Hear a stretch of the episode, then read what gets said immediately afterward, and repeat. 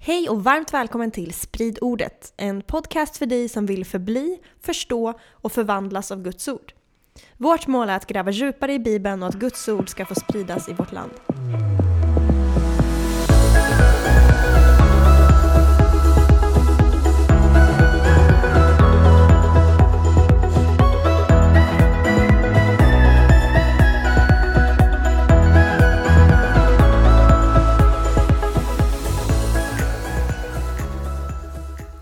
Yes! Nytt avsnitt. Vi har ju inlett en ny superspännande serie som jag har velat göra ända sedan vi började den här podden, som handlar om andevärlden. Eh, förra gången så pratade vi om att typ Gud styr världen genom ett himmelskt råd, vilket låter helt freaky om man bara lyssnar så här. Men om du har missat avsnittet så lyssna på det först, för att det makar mycket sens när man, lyssnar, äh, eh, när man läser i Bibeln. Ja, ja, verkligen, verkligen. Exakt, så vi, vi talade liksom om hur Gud skapade världen, eller hur? Vi talade om att han skapade Ja. himlarna och jorden och att han har skapat både himmelska och jordiska varelser. Och för oss, då, för mänskliga ögat, både synliga och osynliga varelser. Så. Eh, om vi pratade om att det här rådet, styrelsen, eller vad du vill kalla det, liksom, det är gudaförsamlingen som det kallas i psalm 82, det heligas råd som det kallas i psalm 89. Eh, Det kallas också på andra platser för Guds domstol, Guds menighet, Guds församling, mötesplats och så vidare. Så det, det står om det på många platser med andra ord. Yes. Vilket i alla fall inte jag har tänkt på alls. Nej. Så det var ju jättespännande, ögonöppnande. Paradigmskifte. Ja. Jajamän. Eh, Så med andra ord, Gud har valt att delegera, ge auktoritet till eh, andra varelser. Ja. Han styr genom att dela med sig av världen och anförtror den till andra. Så om du sitter med i din kyrkas styrelse, du, det är inget torrt uppdrag, det är himmelskt. Ja, verkligen. Eller bara om du är människa så är du kallad till att eh, styra. Liksom. Ja, eller va? ja. Nej, jag vet inte. Vad hade det med det att göra? Jag vet inte. Om du är människa, tänk inte att det är torrt. Ja, det- Bra, jag är lite Petrus. trött här, det är söndag kväll, eller hur Jenny? Eh, I alla fall, vi pratade också om Elohim, Ja, gudar. gudar och eh, så pratade vi om Guds söner också, de termerna. Ja. Eh, och Elohim är ett hebreiskt ord då, som översätts gudar, eh, men skulle kunna översättas till andliga varelser också, då, Mm. beroende på kontext. Så. Eh, och ordet Gud kan ju vara förvirrande, då, speciellt med tanke på hur vi tänker oss ordet Gud idag. Sen ska det sägas att ordet Elohim, alltså gudar, kan betyda något man tillber.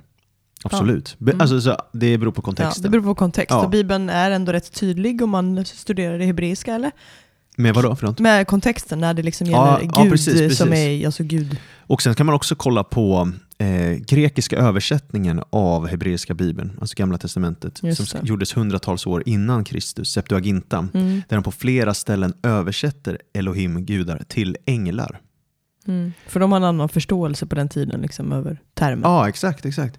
Eller så, kontexten. så, ja, så, som makes sense för Mm. oss då. Så till exempel psalm 8, eh, om man läser den i, i Gamla Testamentet står det kanske att en liten tid gjorde du honom ringare än Elohim. Elohim. Mm. Men i Hebreerbrevets författare citerar det så står det ringare än änglarna. Änglarna. Mm. Mm. Ja, som exempel. Så vi pratar om det då, att Gud den högste, han är Elohimernas Elohim, eller hur? Han Yes. kallas också Elohim, Gud. Eh, men han skapar andra Elohim. Och de här andra Elohim, de är inte en del av treenigheten eller så här, Nej. utan Javé, han är den högste, han är rule supreme liksom. Han är Amen. suverän, eller hur? Ja. Eh, och Jesus är ju Javé i köttet, är värt att nämna här också. Det är en Så- ganska viktig detalj. Eh, Så Jesus har ju skapat allt det andra också. Så jag tänkte att vi bara kan läsa ett bibelord på det. Kolosserbrevet 1, eh, 15-16. Han är den osynliga Gudens avbild, förstfödd före allt skapat. Ty i honom skapades allt i himlen och på jorden, det synliga och det osynliga, tronfurstar och herradömen, makter och väldigheter. Allt är skapat genom honom och till honom. Come on alltså. Eh, Så Jesus då är ju då Gud, Javé i köttet. Så han Mm. har skapat det osynliga. Mm. Och sen så där listar också Paulus i Kolosserbrevet massa olika ranker av andevarelser. Vi läste det, tronfurstar, det. herradömen, makter och väldigheter. Det är alltså ranker och hierarkier i andevärlden. Mm. Eh, Och det kan vi prata om mer framöver i serien då. Så här. Slänger han ut lite Ja, men det- casually. Ja men absolut, för att Gud har skapat massa eh, andliga varelser, en hierarki av de Ja. olika. Så här. Men Jesus är starkast. Han är starkast, han är störst, han är Gud den högste. Amen. Så.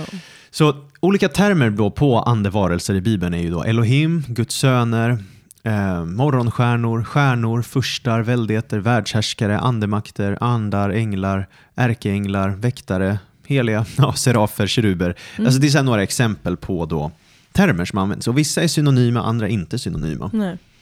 Eh, och de, de förmedlar lite olika saker. Vissa termer visar ju då vilken typ natur de här varelserna är av.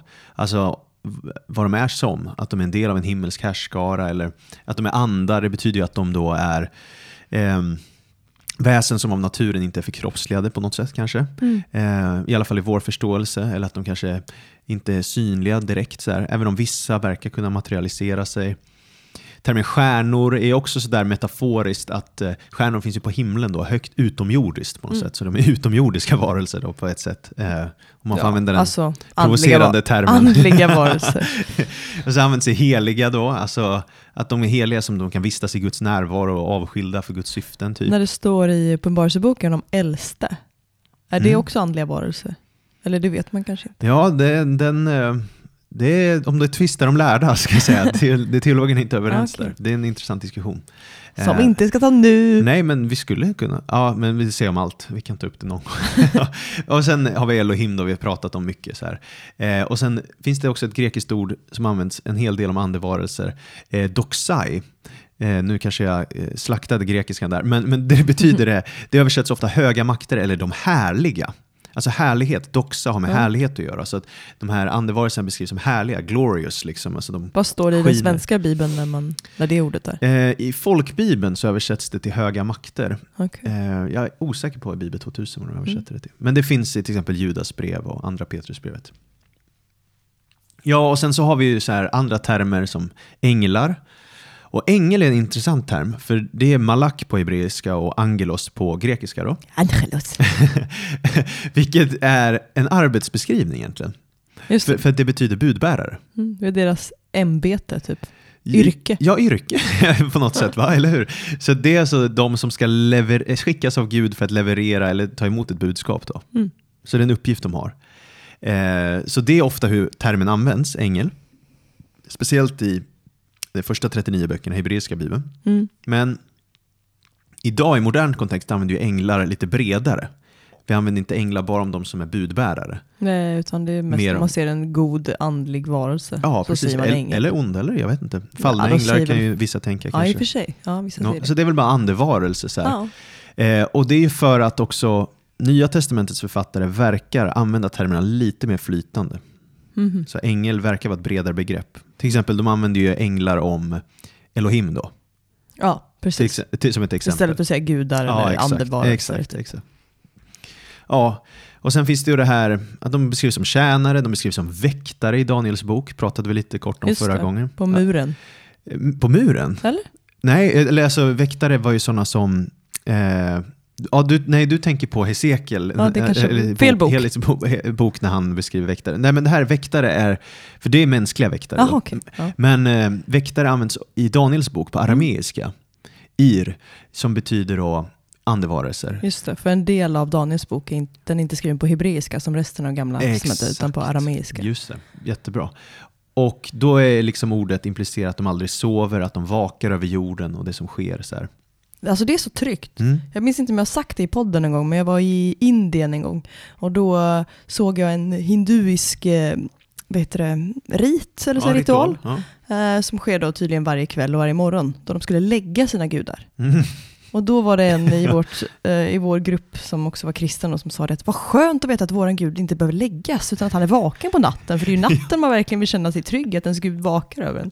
Ja, ja, så det är ändå, ändå skönt att Ja, veta och- och att änglarna inte heller sover. Exakt, de sover de, inte heller. de vakar. Yes, exakt. Och sen finns det ju andra termer som beskriver dem som en armé också. Eh, De, det finns termer som beskriver som hjältar och armé eller härskara. Mm. Eh, Egentligen en, en svensk intressant översättning skulle vara livgarde. Alltså livgarde är ju du vet, i militären så här, truppförband som historiskt sett eh, ska skydda en förstlig person, till exempel kungen eller något. Mm. Och i Bibeln ser vi en hel del ibland att Herren själv är liksom befälhavaren i armén. Mm. Och så har han sitt livgarde då, sin armé han kommer det. med. det finns ju en jättespännande story i, i Josua bok. Mm, Då Josua bara träffar någon random och så bara hmm, kan det vara Jesus? exakt, det är, det är mest troligt Va, att han vilket träffar kapitel her- står det om någon vill där. läsa det? Är det Det nio? är typ? Joshua kapitel 5, Fem. va? Fem tror jag, om jag drar från minnet. Exakt. Ja, Ja. Det, är, det är spännande, lite Mm. kort bara Det inflik är där. Jesus om man innan vill läsa. inkarnationen då, mest troligt. Ja. ja, ja, ja. Hur som helst. Det var bara lite så exempel vi bara slängde ut oss nu på så här hur andevarelserna beskrivs då i Bibeln. Men hur, hur som haver, poängen är att allt det här, att Gud har skapat de här, att de styr i himlarna på något sätt, vi på jorden, och sen ska det sammanfläta och samverka och spegla Guds karaktär. Det vittnar om Gud. Att han vill dela med sig av sin skapelse. Mm. Att han vill delegera, han ger frihet till de här varelserna och ger dem ansvar för världen som helhet. Eh, och just eftersom han ger frihet Mm. så innebär ju det också förmågan att kunna välja bort honom. Precis, som det är när man berättar evangeliet att människan har fri vilja, bla bla bla. Så på något sätt har andevarelser, ha, har eller haft, eller både och, Har? Ja. har en eh, fri vilja. ja, på något sätt. Sen hur man Okej. definierar fri vilja är en intressant diskussion. Men, men de har i alla fall en vilja och de kan välja bort att tjäna Gud eller inte. På samma sätt som människan kan göra det. Tror du att verkligen att det är på samma sätt? Jag har ingen aning Jenny om det är på exakt samma sätt, men det jag vet är i alla fall att vi kommer se i Bibelns berättelse Mm. är att väldigt många eh, varelser kommer välja att vända sig ryggen till Gud. To be continued.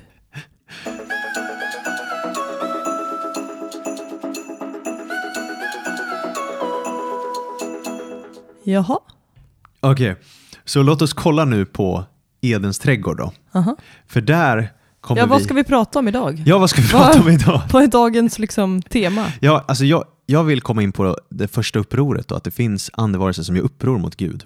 Ja, så att det är inte bara människan som har gjort uppror mot Gud. Precis, och jag vill komma in lite på det då, så att vi kommer prata lite om djävulen idag då. Oj då. Eh, och lite om ormen i trädgården då och eh, vad var han för varelse egentligen?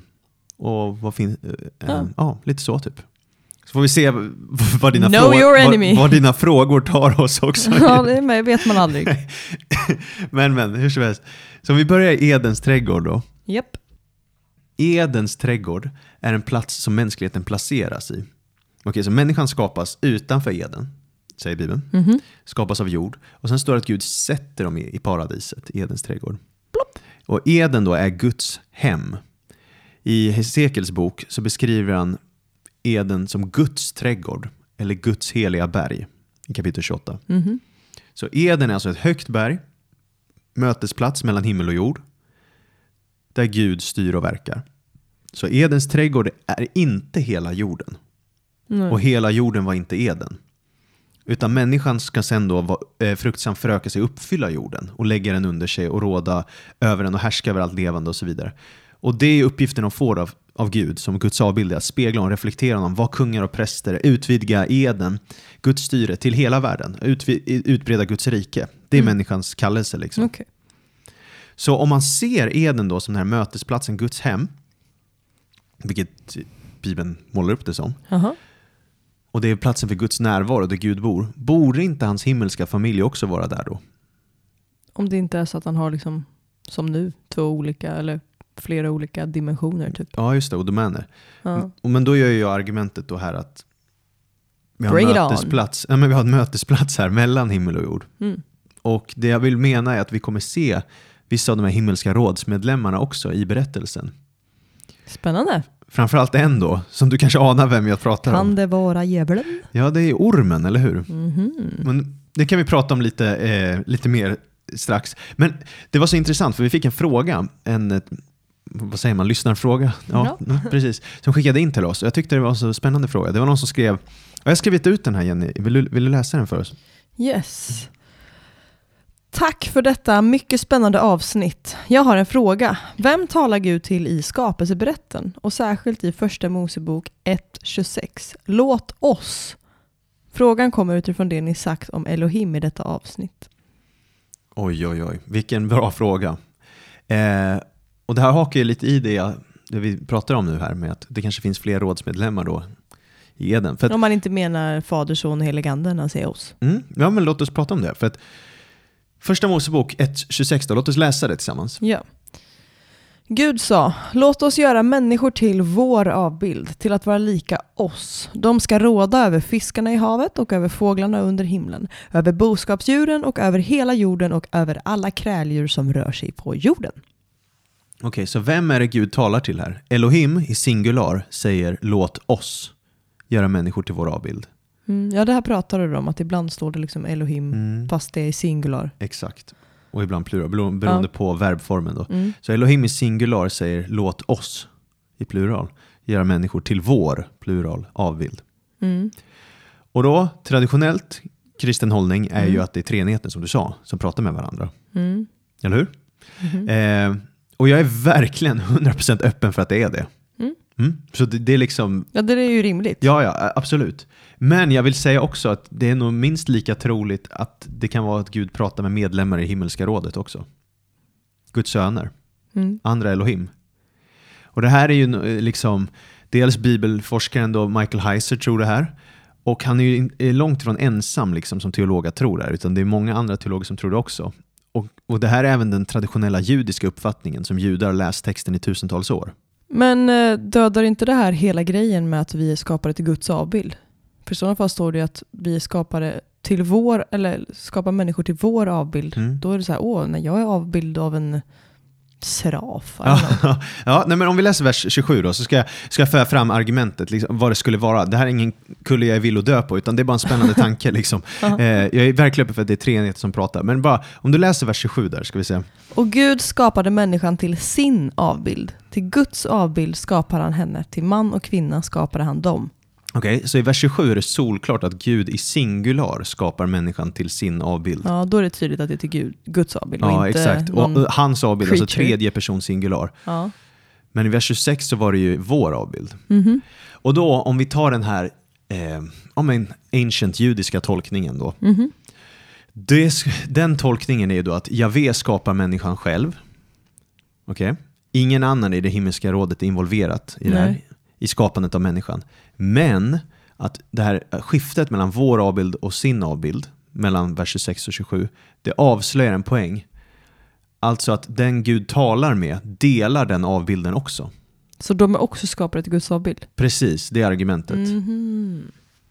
Lite som om jag säger till Jenny, jag vet inte, det här är kanske en dålig bild, men om jag säger till dig Jenny, hej Jenny, låt oss köpa chips ikväll. Amen. Och så går jag och köper chips. Ja. Så det är jag som gjorde handlandet, men du var så involverad i att veta beslutet jag sa. Ja. Hänger du med tanken liksom? ja. En dålig bild. Var det en dålig bild? Ja, för att då skulle det vara liksom att Gud behöver eh, att han behöver eh, deras tillåtelse. Ja, just det, just det, du menar så. För du behöver min tillåtelse att lägga pengar på chips. Och vilken sort det ska vara. Är det så? Så är det. Men jag kanske har suveränitet och sista beslutsfattande domen liksom i det här avseendet om den här liknelsen ska hålla. Ja, nej men du fattar vad jag försöker säga, eller? Ja, ja. Men, men det kanske är en svår tanke och, och det är jag väldigt öppen för att det är en svår tanke. Men, men Nej men det skulle ju kunna vara så. Om han redan har skapat dem, men skapar han dem sam innan oss? ja, exakt, innan dem. Om man då har skapat mest, dem till mest sin troligt avbild på dag också. fyra. Men som sagt, det är en annan diskussion. Men Ja. det står väl också, är st- är det liksom inte, nu vet jag inte, jag kanske blandar ihop allt, men ehm, ska det inte vara att människan är liksom Guds krona på verket av något slag?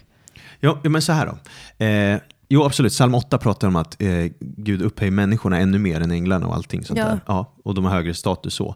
Men eh, Så vi är lite mer Guds avbild. Ja, och det är det som är så provocerande för de här himmelska varelserna också på ett sätt, på ett sätt inte. Men det är för att han tar en sån jordvarelse, en smutsig jordvarelse och kommer upphöja den över som liksom kronan på verket. Men, men poängen är att, att vara Guds avbild, vad är det för något ens? Liksom? Och, och det är ju en cellen på hebreiska, men det är liksom en avbildare. Du, du ska representera och reflektera Gud. Okej? Så att, alltså så här. Jag fick precis en Om jag bara... otrolig ja, uppenbarelse här. Okej. ja. Som du inte alls kommer tycka är intressant. För Nej. du gillar inte Sagan om ringen. Nej, eller jag, jag, jag kan inte så mycket om Sagan om ringen. ja. Men där finns det ju olika folkslag. Okej, Det ja. finns eh, alver, det finns dvärgar Mm. och det finns människor. Mm, Och det är liksom så här, alla alver bara men are weak. Mm. Det är liksom alltid så här, mannen, den liksom, Mm. för alver kunde leva för evigt Just och allt så här. Just det. Dvärgar är uthålliga, Mm. whatever. Människan är svag. Mm. Men sen är det liksom som att ödet, whatever, väljer en kung Ja. av människan, Människan ja. alltså Jesus. Ja, ja. För att sen, eh, ja, utifrån honom, whatever, eh, be, be, besegra. Men det är också en hob också, hobbits, nu missar jag, hobbiten är ju också. Men det är liksom de, de, sva, det är ja, sva, de ja, två svaga, ja. hobbit och människor då, de, är de svaga. Det är de som eh, sen får eh, vara med och rädda hela världen. Mm. Så dels har vi då Aragorn, kungen av Just det, människorna, som ja. liksom får leda armén där.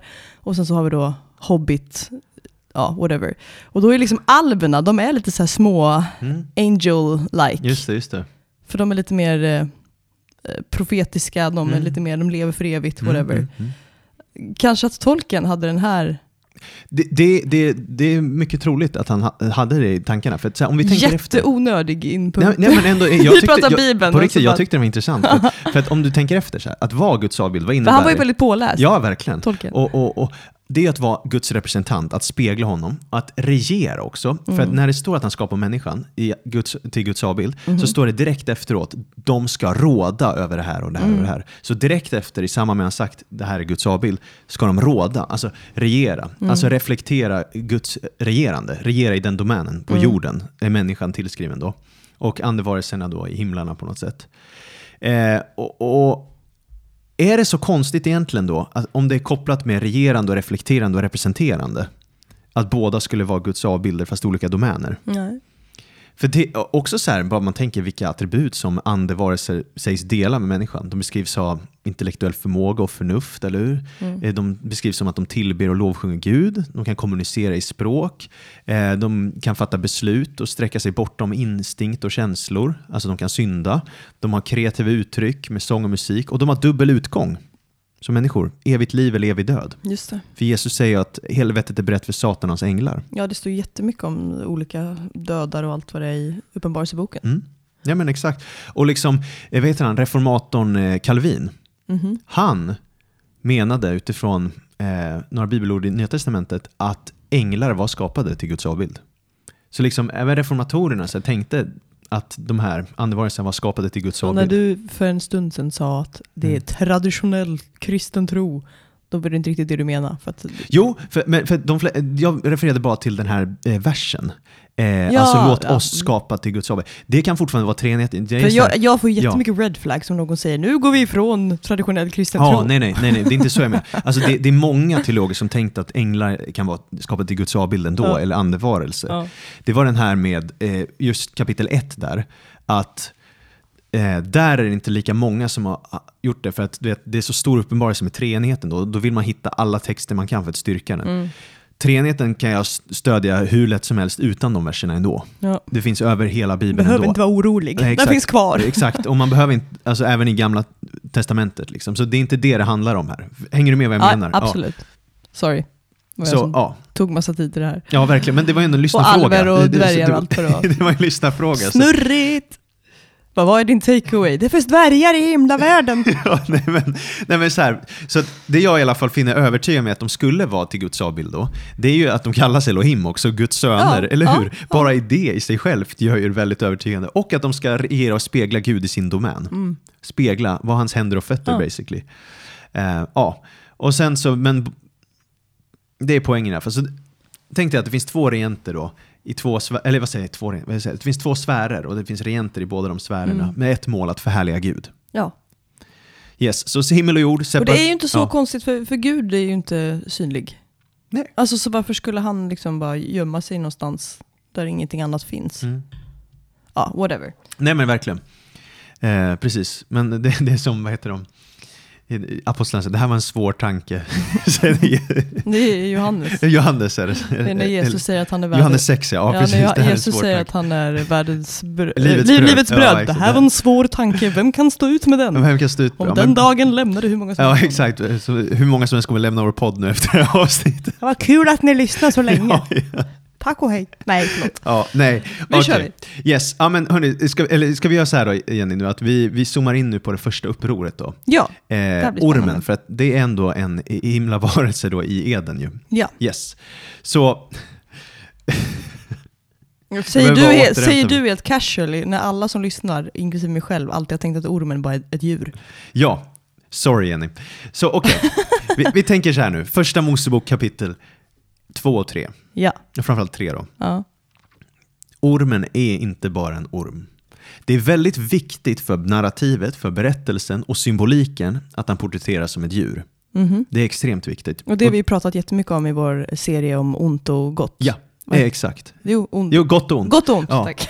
Så om man inte lyssnar på den serien, då rekommenderar jag verkligen att göra det. Ja. För och jag vill bara säga så att skriften är briljant, det är ju Guds ord, eller hur? Men Jajamän. den har så många lager, så mycket symbolik och så mycket profetisk betydelse. Så ett bibelord kan tala på flera lager, eller hur? Mm. Och det är därför den används så rik eh, symbolik. Då. Så ett lager av ormens identitet, det är som djur. Ja, För det är viktigt för, att, liksom, för narrativet. poänger.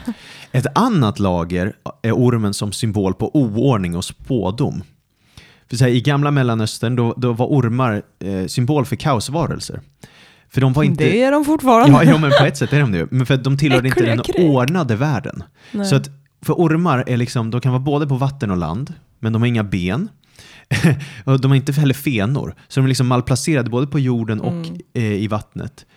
Eh, så, och det, liksom, det passar inte riktigt i det ordnade riket. Nej. Så det blir liksom en symbol på kaos då, i det där. På allmän äcklighet. Ja men absolut så är det. Och så är det en symbol ofta på eh, död, för ett giftligt bett. Mm. Och att de kunde krypa ner under jorden, så det kunde bli en symbol på eh, underjorden. Då. Underjorden. Mm. Och de kunde ju också ömsa skinn som blir som symbol på nästan odödlighet och återfödelse. Mm. Och det här är också symbolik som påverkar hur vi ska se på berättelsen. Då. Mm. Men det är ju också då det jag tror det mer är rent ontologiskt, liksom den här varelsen som de möter. Ontologiskt. Alltså varandet, vad det är för någonting. Ja. Det är att det är en himmelsk varelse i Guds tronrum. Spännande. För att om du tänker så här, de som läste Bibeln, eller den här storyn bara, eh, innan Kristus, Mhm. de blir inte förvånade över att det finns en talande orm. Varför inte då? Inte för att, det, det, inte för att man trodde att djur talade förr. Det är inte I därför. fablernas värld. Nej, utan det är för var den fanns någonstans, i vilken plats den fanns. Den fanns i Guds trädgård, alltså Edens trädgård. Ja. Platsen för gudaförsamlingen, platsen där Guds söner bodde.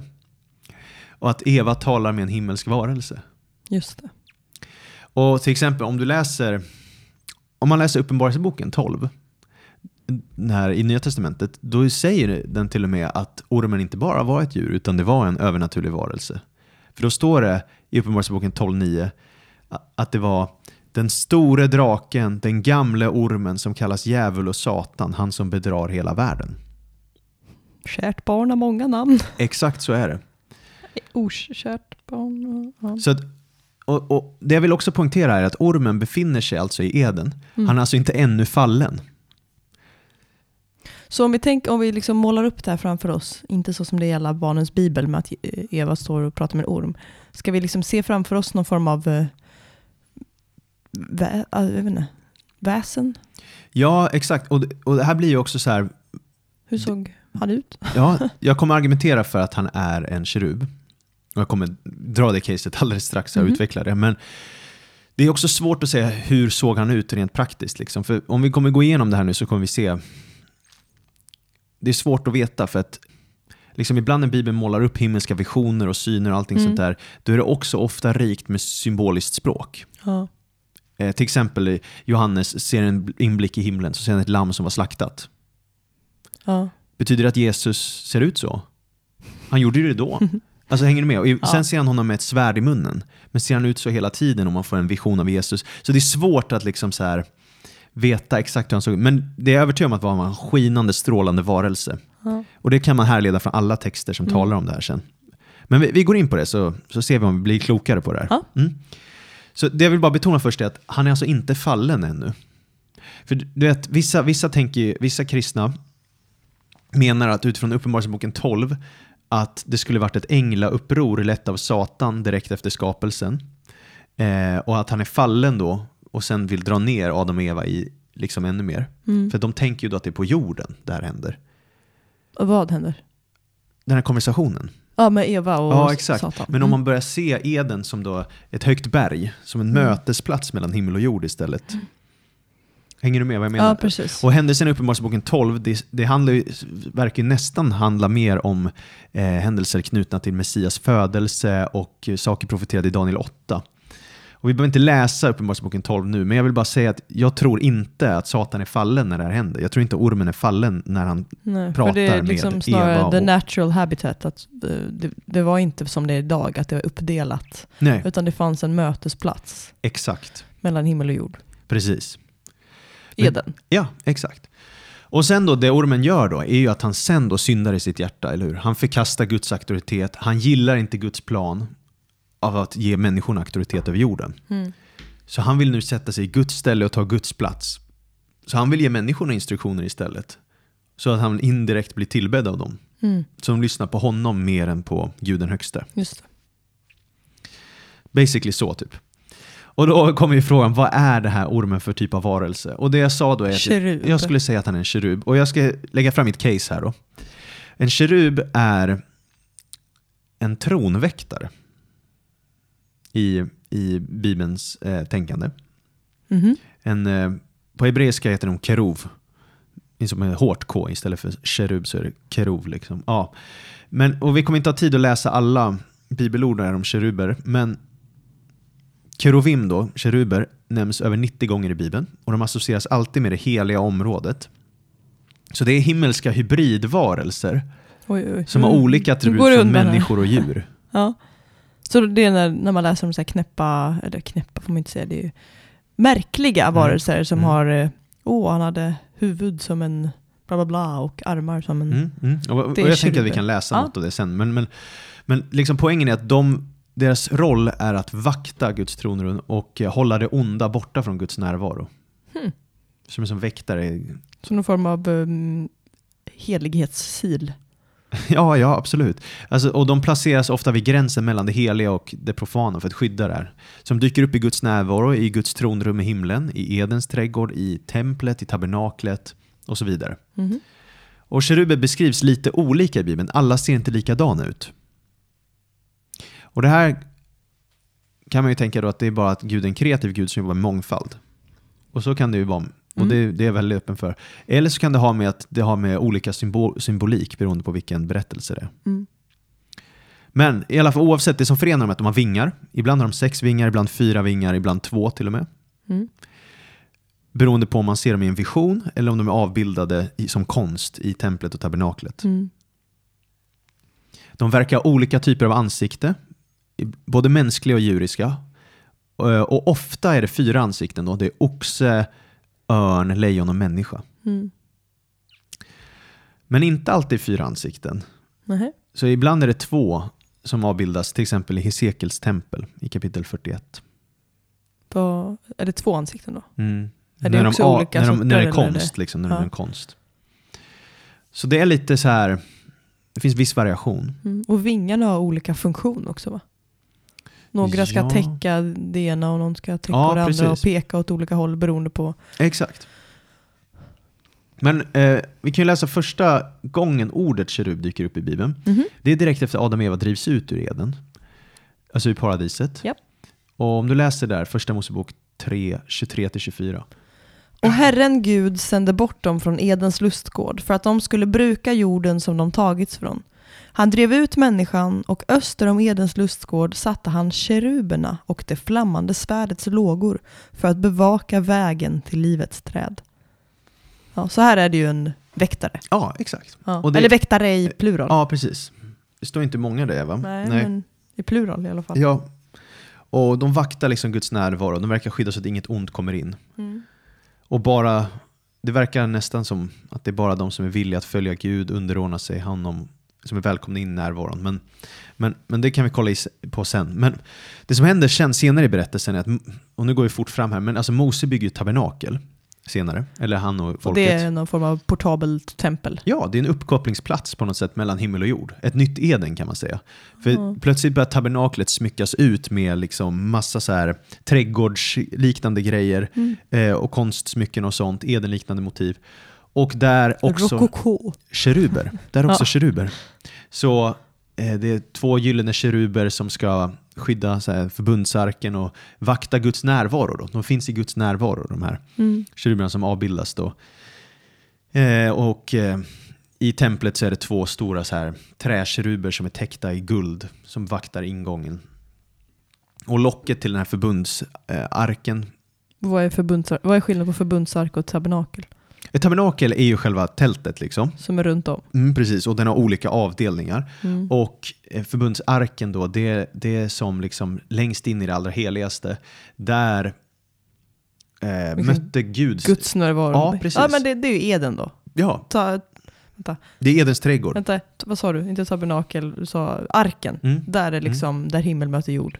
Ja, verkligen. För där är verkligen Guds närvaro. Mm. Där är verkligen Guds, Guds närvaro.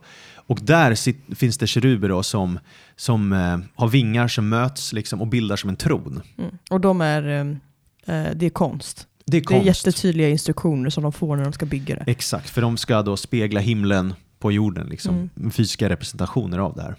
Så det här är så här bevingade varelser och med sina vingar bildar de en tron då, och där ska Gud möta sitt folk.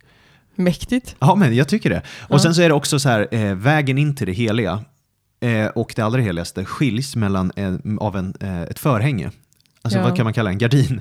Och på En den här, tjock gardin. Ja, en ridå eller vad kan vi kalla Ja. Och där på den så finns det massa kerubbilder på de här Mhm, gardinerna. på den också. Mm. Så att det är som att de vaktar då Guds närvaro återigen. Och eh, ja, det låter ju precis som i Eden där, att de blockerar Mm. ingången där Just det. eh, på något sätt. Och det, det är som att keruberna påminner återigen, och du kan inte komma in i Guds närvaro hur, hur som helst. Nej. Utan när du kliver in där, om du gör det oförberedd, då dör du. Det är det som är storyn. Liksom, Mm, det Israels ska vara heligt. Det ska vara rent. heligt, avskilt, du måste verkligen lyda Gud och lita på honom. Så här. Så det var bara överste präster va? Alltså inte ens en präst, utan Nej, en överste präst. Någon Och han fick bara år, gå typ. in en gång per år. Ja. på försoningsdagen. och sen då, det är det som händer sen när Jesus då ska bana väg. Så då, då rivs den här förlåten ner. Ja, för då behövs inte den avskiljningen längre. För Nej, för- Jesus öppnar vägen. Exakt, han öppnar vägen. Men, men eh, det där är basically då keruber. Mm. Men när man, så det är som att Gud tronar på keruberna då. De bildar en tron. Mm. Men det här är ju då den eh, konstnärliga representationen av det på jorden. Mm. I himlen så, så ser vi visioner av det. Två Mm. profeter speciellt får vision, eller tre profeter får visioner av det. Jesaja, eh, Hesekiel och, och eh, Johannes. Johannes. Ja. Exakt. Jag tänker vi kan läsa lite hur, hur Hesekiel ser dem i sin vision. det här är ett kapitel fantastiskt ett. kapitel. Eh, Hesekiel kapitel 1, så läser vi från vers 4 där. Jag fick se en stormvind komma norrifrån, ett stort moln med flammande eld och det omgavs av ett sken. Mitt i skenet syntes något som var likt glänsande metall och mitt i elden syntes något som liknade fyra levande väsen. De såg ut som människor och varje väsen hade fyra ansikten och vart, av, ö, ö, och vart och ett av dem hade fyra vingar. Deras ben var raka och deras fötter liknade fötterna på en kalv och de glänste som skinande koppar. De hade människohänder under sina vingar på alla fyra sidorna. Alla fyra hade ansikten eh, och vingar. Deras vingar slöt sig in till varandra och när de gick behövde de inte vända sig utan de gick alltid rakt fram. Deras ansikten liknade människoansikten och alla fyra eh, hade lejonansikten på högra sidan. På vänstra sidan hade alla fyra tjuransikten och alla fyra hade örnansikten. Så var det med deras ansikten. Deras vingar var utbredda upp till. Varje väsen hade två vingar som de rörde vid varandra med och två som täckte deras kroppar. De gick rakt fram. Dit anden ville gå, dit gick de. Och när de gick behövde de inte vända sig. Till utseendet liknande väsendena eldsglöd som brann likt facklor medan elden rörde sig fram och tillbaka mellan dem. Den gav ett sken ifrån sig och blixtrar for ut ur elden. Väsendena skyndade fram och tillbaka som blixtar. Wow. Så du ser, alltså, de ser ut som eld. Ja, Och de är fyra levande varelser. De har fyra ansikten, fyra vingar eh, och under varje vinge människohänder. mm. Och så har de raka ben, fötter likt en kalv. inte julbenta. Nej, de glänser som koppar. Och så är det lejonansikte, människoansikte, örnansikte och eh, tjuransikte. Då. Alltså sjukt märkliga. Fatta vilken syn. Japp, det är lite märkligt.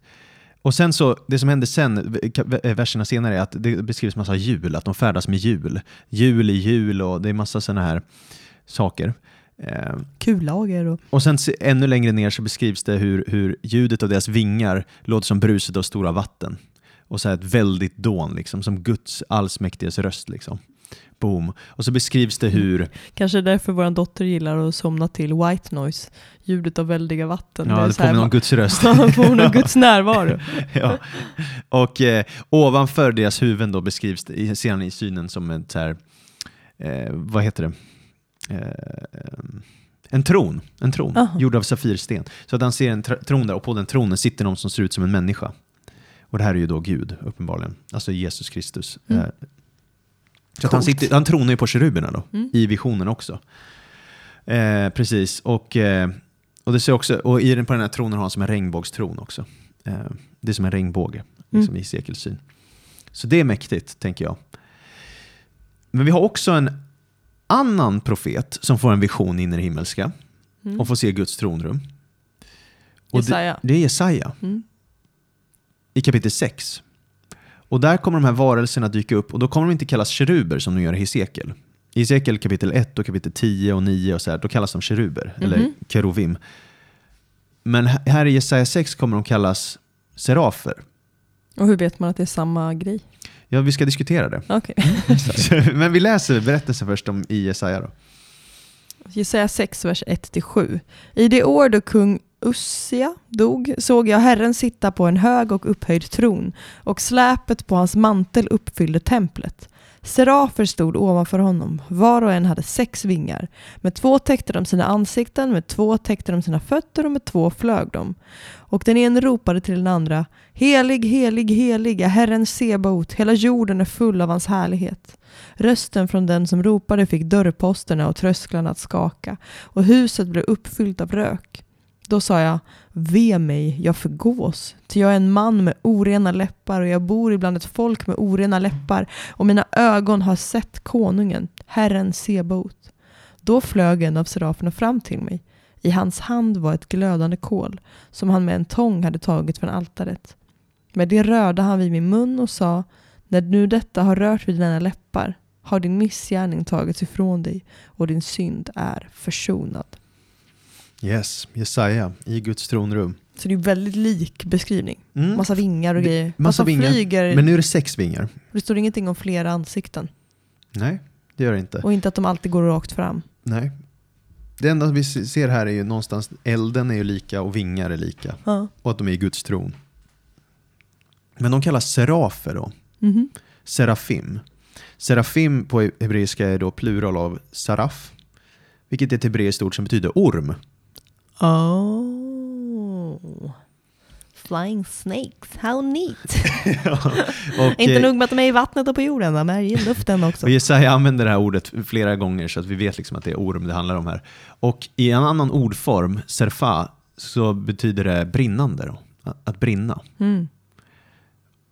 Och liksom, det kan ju ha med att ormars gift är brännande känsla skapar så här. För det handlar ju också om fysiska ormar andra gånger när Mm. Jesaja eller, eller fjärde Mosebok beskriver de här serafim. Men här, nu är det här himmelska varelser ju. Så det verkar ju som att det är ormar med vingar som brinner kopplat med eld på något sätt, glöd och rök var det ju där i rummet. Eller hur? Ja, ja. Och de har händer och armar. Såg Ja. du det? För de hade ju fötter. Eh, de täckte sig med och eh, så kunde de ta någon så här kol, glödkol och ge. Just det. Jo, och, I hans ja. hand var glödande kol, Mm. står det till och med. mm, Ja. exakt, exakt. Och då är så här, diskussionen är väl lite... Hmm, De ser ut som dinosaurier. ja, eller drakar. Drakar. Precis, drakar, eller hur? För vad låter det som om du har en orm med vingar och ben och, och armar? Och eld. och eld. Det låter som en drake, eller hur? Så är det så konstigt då att i Uppenbarelseboken att djävulen kallas för den store draken, den gamle ormen, som kallas djävul och satan? Intressant. Men, spekulation bara, men Mm. det kan ju vara så. Liksom. Eh, men Jag då, för, när, Mm. när jag gick i gymnasiet så gjorde jag en, alltså jag läste den i efterhand, så sjukt dålig, men jag gjorde en, en uppsats på, i historien. Och då fick man skriva om vad man ville. Och då så tyckte jag det var spännande att skriva om drakar, så jag läste på om drakar. ja, Det här är du gift med. ja, ja, Eh, men, eh, och då är det så här, oberoende av alla olika kulturer Mm. genom alla olika tider så har det alltid funnits avbilder av drakar. mm. Eh, Jätteintressant. alltså oav, oavsett, Mm. runt om i världen. Och då är det liksom, hmm, det kanske, folk kanske såg in i andevärlden på något vis. I don't. Ja, jag vet inte heller. Eh, jag vet inte vad det är, liksom. men, men uppenbarligen är ju att eh, det här är någon tronvarelse också, en tronväktare. Som Mm. vaktar Guds närvaro, har vingar, associeras med eld och så vidare. Men seraf då är det liknar med orm, Mm. medan kerub då i Hesekiel, de hade fyra ansikten. Som var tjur, människa, eh, örn Hur i hela och friden lejon. har det här liksom då blivit en, en naken knubbig bebis? Ja, jag, vet, jag, jag, kan, vi, jag vet inte etymologin, det får någon annan reda ut det där. Men, men, men det här är i alla fall, varför jag tror att det är samma typ av varelse, det är för att i Uppenbarelseboken så flätas båda de här visionerna samman. Mm. När Johannes får visionen. För då om vi läser i Johannes Uppenbarelsebok eh, 4, kapitel 4, vers 6-8 där. Mitt för tronen och runt om den stod fyra väsen som hade fullt med ögon fram till och bak till. Det första väsendet liknade ett lejon, det andra en ung tjur, den tredje hade ett ansikte som en människa och den fjärde liknade en flygande örn. Vart och ett av de fyra väsendena hade sex vingar och de hade fullt med ögon runt om och på insidan av vingarna. Dag och natt säger de utan uppehåll, helig, helig, helige Herren Gud den allsmäktige, han som var och som är och som kommer. Ja, precis. Så här blandas visionerna, eller hur? Så att, ehm, för helig, helig, helig, det var ju Jesaja. Sex Mm. vingar var Jesaja. Och de här ansiktena, det var Hesekiel. Ja, precis. Så det är en intressant diskussion här. Vad innebär det här rent konkret? Liksom? Mm. Eh, är det att de ser ut så här? Är det att de kan vara shapeshifters, så att de kan byta utseende? Eh, det vet vi inte heller. Alltså, så här, Bibeln skriver ju som att Satan kan byta utseende, liksom, eller han kan maskera sig som en ljusets ängel och så vidare. Ja. Så att, är det det det handlar om? Är det liksom bara... Att- här är ju inte onda väsen. Nej, nej, nej, men jag bara ger, liksom, vi menar att vare sig verkar Ja. kunna byta skepnad så på något Ja. sätt. Men jag vill bara slänga ut det igen. Att så här, vi, vi, har ju pratat om djävulen. Mm. Så pratar vi om de här som ser jätteläskiga Ja, ut. precis. Och de är ju goda. Men de är goda. Mm, exakt, Eftersom de väktar, vaktar åt Gud. precis. Och, men det menar jag bara så här, okej, hur alltså ska vi... Satan är inte god. Nej, nej, nej, nej. Men hur ska vi liksom förena de här bilderna då? Det är väl att det, det här är inga fysiska beskrivningar av hur de är nödvändigtvis, utan det kanske är rik symbolik i det också. Mm. Poängen är att det, det är ju riktiga entiteter, precis som Jesus är en riktig person, liksom, fysisk Mm. person, men äh, ibland porträtteras han som ett lamm slaktat. Ja. Han han ser visionen, eller han ser honom som att ett svärd går ut ur hans mun och han lyser som solen eller whatever. Alltså, det är svårt att avgöra liksom, vad är den här poetiska, profetiska synen, visionen för att förmedla ett budskap och vad är liksom, så här ser den faktiskt ut. För ibland blir vi så Mm. sjukt konkreta, bara, hur ser den här ut? Liksom. Det spelar Men- inte så roll. Nej, för här talar vi om profetiska visioner. Mm. Och vad är andemeningen bakom? Liksom? Och ibland kan vi bli låsta i det då. Men det som blir så intressant är då, när vi får de här pusselbitarna, att seraf är ju orm basically och keruber och det är tronväktare och så. Det för mig tillbaka då till djävulens uppror i Eden. Mm. Och att jag är väldigt övertygad om att han är en kerub då. Ah, för om man är en kerub Mm, och de har händer och fötter mm, och sen när han då syndar, mm, när han då gör uppror, mm, då så säger, de ju, säger ju Gud till honom att nu, från och med nu ska du kräla på Mm, jorden. Eh, då har man ju alltid tänkt, åh han var nog en ödla. Men nej, han var en sån där liten drakseraf. Ja, ja, precis, precis. Det är det som är tanken då. Ah. Ehm, ja, så det är ett lager av texten. Så Ja. visst det är en ytterligare lager, men det är väldigt intressant då. Och det finns också så här, uh, Hesekiel, eh, ka- profeten Hesekiel, Mm. han har faktiskt en kommentar på upproret i Eden, Jaha. i kapitel 28.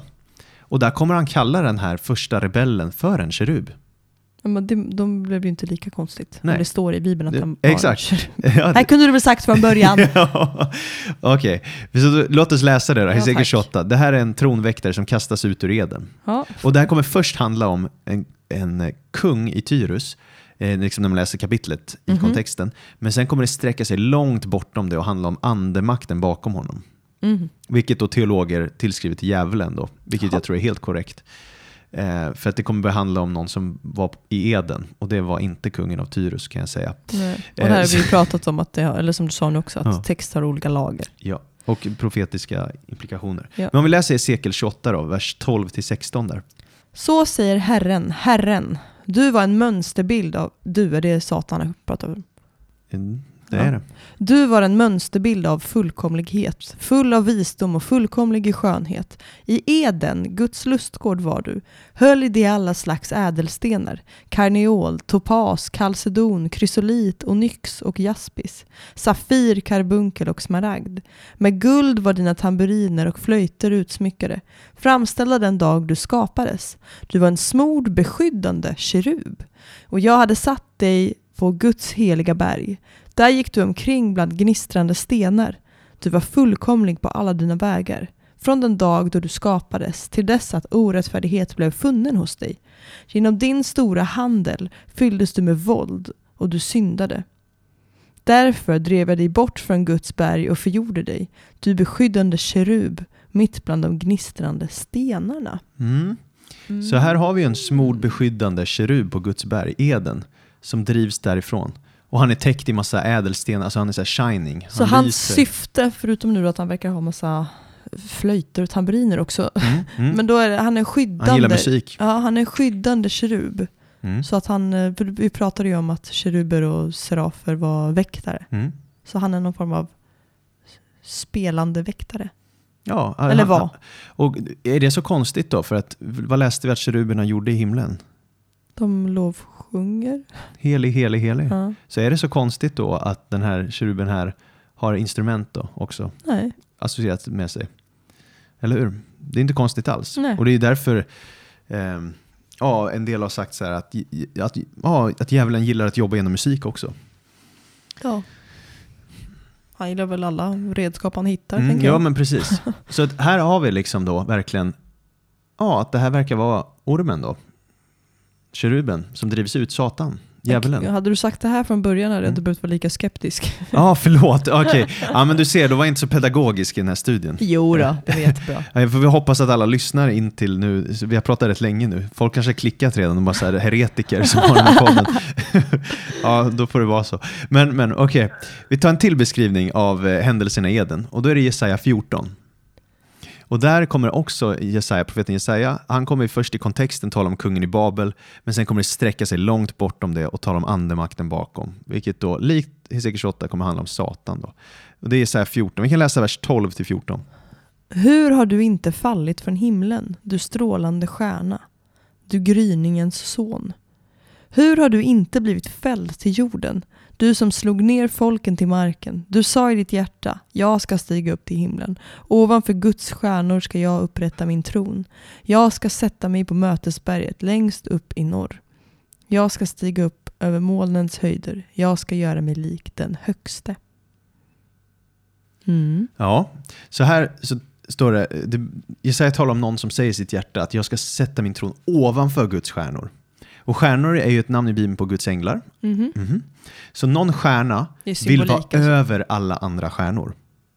Någon andevarelse vill vara över alla andra andevarelser. Det låter som djävulen. Eller hur? Han vill ha sin tron på mötesberget då. Mötesberget är antagligen Eden. Och han vill göra sig som den högste, Ah. alltså Javé. Han vill vara som Elohimernas Elohim. Han, han har en dröm om att få bestämma, styra och ställa. Jag ska göra det här, jag ska göra det. Allt handlar om jaget. Och jag vill vara som Gud själv. Och det passar ju verkligen in i beskrivningen på ormen då, eller keruben i första Mosebok 3. För han gör ju sig till Gud. För att han, han vilseleder Adam och Eva. Så han blir deras Gud i deras beslutsfattande. Så de lyssnar ju till hans lögner, hans vägledning och så vidare. Mm. Så då om man slår ihop de här bilderna, porträttet vi får i Första Mosebok 3, eh, strålande stjärnan i Jesaja, keruben i Hesekiel 28, då verkar det handla om samma sak. Alltså en högt uppsatt andlig varelse som skiner, glänser, du vet, Mm. strålande stjärna. Han kallades ju där du strålande stjärna. På latin är det Lucifer. Jaha. Så det är därför han kallas det Lucifer. Ja, från, Ja. det är från Jesaja 14. Så att, alltså, du strålande stjärna, han som lyser. I Hesekiel 28, du vet, han glänste med ädelstenar. Mm. Eh, och han beskrivs som en kerub. Keruber skiner ju som brons. Ja. Och Nachash, orm på hebreiska, är ju kopplat till Nechoshet som är brons. Så att det är uppenbart att vi talar om en strålande, lysande liksom, varelse här. Bronsvarelse, typ så här, som har högmod och så på grund av sitt agerande blir straffad. Intressant. Mm. Och där i Jesaja 14 är det att han kastas, eh, fälls till jorden, ner till marken, till dödsriket typ. I Hesekiel 28 är det att han drivs ifrån trädgården. Mm. Och vad är ormens straff i Första Mosebok 3? Är det att käka jord? Ja, vi läser det. Vi läser det. exakt. I vers 14-15 där. Eftersom du har gjort detta ska du vara förbannad bland alla boskapsdjur och vilda djur. På din buk ska du gå och jord ska du äta så länge du lever. Mm, gott. Jag ska sätta Det stod fiendskap inte i Bibeln. Jag ska sätta fiendskap mellan dig och kvinnan och mellan din avkomma och hennes avkomma. Han ska krossa ditt huvud och du ska hugga honom i hälen. Precis, så straffet för ormen blir ju också typ som att han kastas ner, eller han förbannas, han ska kräla på buken och äta jord. Ja, och det borde väl äta jord, är inte det då en bild på att han ska ner på jorden? Jo, exakt. Alltså, Eller? dött- ja, eh, exakt. Eller ska han käka jord? nej, nej, men det blir bildspråk, eller hur? Ja. Alltså, något, ibland används det här ordet eh, för jord också, erets. I vissa kontexter också kan det tala om dödsriket. Mhm. Och det har bland annat Michael Heiser visat då i Unseen Realm, men, men, i boken. Men, så poängen är här att på något sätt konsekvensen av Hesekiel 28 är så här 14, första Mosebok 3, att han förs ner till dödsriket, står det i så här 14-15, eller så här, blir fälld till jorden. Det är att man kan säga på något sätt att konsekvensen blir att han blir herre över döden. Att alla som följer hans vägar kommer hamna utanför Edens trädgård och mista det eviga livet med Gud. Mm. Eller för mänskligheten fördrivs ur Guds närvaro. För det är bara de som är litar på Gud i tro och, han, och litar Mm. på hans ord som får vistas där. Ja. Och de litade ju inte på det, de litade Nej. ju på ormen. Och eftersom mänskligheten väljer ormens väg, synden alltså, kommer det leda till död, för syndens lön är döden. Mm. Så om tror lögnen och lögn leder till död, sanning leder till liv. Så djävulen får då på ett sätt dö- döden i sitt våld. Han blir dödens herre. Mm. För att han leder människor in i synd och synd leder till död och isolering från Gud och Guds närvaro och eh, himmelriket på jorden. Han kross, alltså, förstår du bilden? Mm. Och i Hebreerbrevet så står det att Jesus kommer då, i Hebreerbrevet 2.14 står det att han skulle göra makt, den maktlös som hade döden i sitt våld, det vill säga djävulen. Mm. Så djävulen beskrivs ha döden i sitt våld. Och det är lite det vi ser här då i de här verserna. Liksom. Eh, att Jesus vinner segern där när han dör på korset och uppstår från de döda. Att han uppfyller liksom den profetierna till ormen, att Mm. krossa ormens huvud. Att någon, en kvinnans avkomma som krossar ormens huvud besegrar makten. Och den synd och död som ormen introducerade i världen genom Adam och Eva då, kommer besegras en gång för alla. Och Jesus då banar vägen tillbaka till Eden igen. Eller hur? Mm. Han vä- vägen in i det allra heligaste. För det går att komma in i Guds närvaro igen genom tron på Jesus Kristus. Halleluja. Så Jesus får ju dödsrikets nycklar, står det ju. Ja. Så djävulen är ju dödens herre på ett plan. Men det innebär ju inte liksom att han är, du vet den här nidbilden att han bor i helvetet och regerar där och festar där och att när man kommer till helvetet då är det party liksom i djävulen. Typ så här, de som. Ja. Det är ju inte det, utan helvetet är ju att, något, något annat än dödsriket. Jaså? Det behöver inte vara synonymer nödvändigtvis. Nähä. Men det kan vara. Det, det beror på kontexten. Slänger du ur dig? Nej men det, kan, det beror på kontexten. Eh, men, men Så det finns grader i helvetet? ja, ja, det gör det absolut. Helvetet är en plats som Gud skapade för att straffa djävulen eh, och hans änglar, säger Bibeln. Ja. Och då är det tyvärr så att många kommer följa djävulen också Ja. och förkasta Herren och hans ord. Och då kommer man kanske gå samma öde till mötes då som djävulen. Så att eh, basically liksom det här att djävulen blir på något sätt dödens herre, det innebär att han vill död. Alltså, eller dödens herre, ska man kalla det så? Men jag Stod vet det inte. Det står ju det, eller? Ja, det står att han var, eller vad, vad är det står i Hebreer? Eh, eh, han har Eh, Döden i sitt våld har han. Ah. Döden i sitt våld, det är väl ett bättre ord. Jag vet inte. han blev dödens herre, står det. Nej, det är, Nej. Det är dina ord. Nej, Jo, det är mina ord. döden i sitt våld har han. Mm. Han har döden i sitt våld, är den bibliska termen. Det betyder alltså att djävulen är ute efter död. Alltså han vill vilseleda människor in i död, ett liv utanför Guds vilja. Andlig död, fysisk död, Mm. eh, motsätter sig alla som vill tro på Gud och Guds ord. Så han vill leda människor in i synd. Och hans främsta vapen är då bedrägeri. Och det intressanta är då att djävulen är ju en himmelsk, skinande, strålande, vacker varelse. Han var fullkomlig, står det. Mm. Tills den orättfärdighet fanns i hans hjärta. Och det här lär ju oss någonting. Att allt som skiner är inte Gud. Allt som glimmar är inte guld. Allt som är ljus är inte Gud. Nej. Ormen smyger sig gärna in i Guds närvaro. Är gärna bland Guds folk och förleder dem att ta del gärna bra ut. det, exakt, får ta del av det träd de inte får, som går bort från Gud. Paulus säger i Andra Korinthierbrevet 11 att Satan gör sig själv lik en ljusets ängel. Så att, alltså det viktiga för oss är väl att veta hans strategier på något sätt. Alltså det finns en personlig ond andlig varelse bakom mycket av det elände vi ser i världen. Vi vet inte exakt hur djävulen ser ut. Jag tror inte det är det viktiga. Men vi vet att han är associerad med ljus. Alltså han skiner, han strålar, allt sånt där. Men han är väl också associerad med mörker? Ja, absolut. Alltså man snackar Bra om- att du säger det också. Man Jag var snackar- jättebra. Det jag står var- ju jättetydligt så här, åh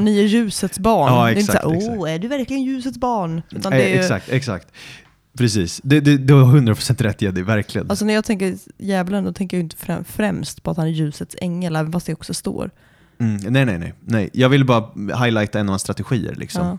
Så det är klart att då om, om man, om man eh, får besök av en ängel, en ljusets ängel liksom, som kommer sen med en religion som heter islam, liksom, då kan man ju fråga sig om det var en Guds ängel eller något annat som Mm. sändes till Muhammed. Alltså, hänger du med den bilden? Ja, fattar. Eh, Men om jag skulle se en ängel som är ljus, då skulle det ju mest troligt kanske snarare vara vad, eh, Guds ängel, ja. en Guds ängel, Ja. för att de var också lysande. Exakt, och det kan vi veta om det stämmer i linje med vad Och det Gud stod sagt. ju att han hade alla de här, du glimmade allt det här som stod i Mm. Hesekiel innan han...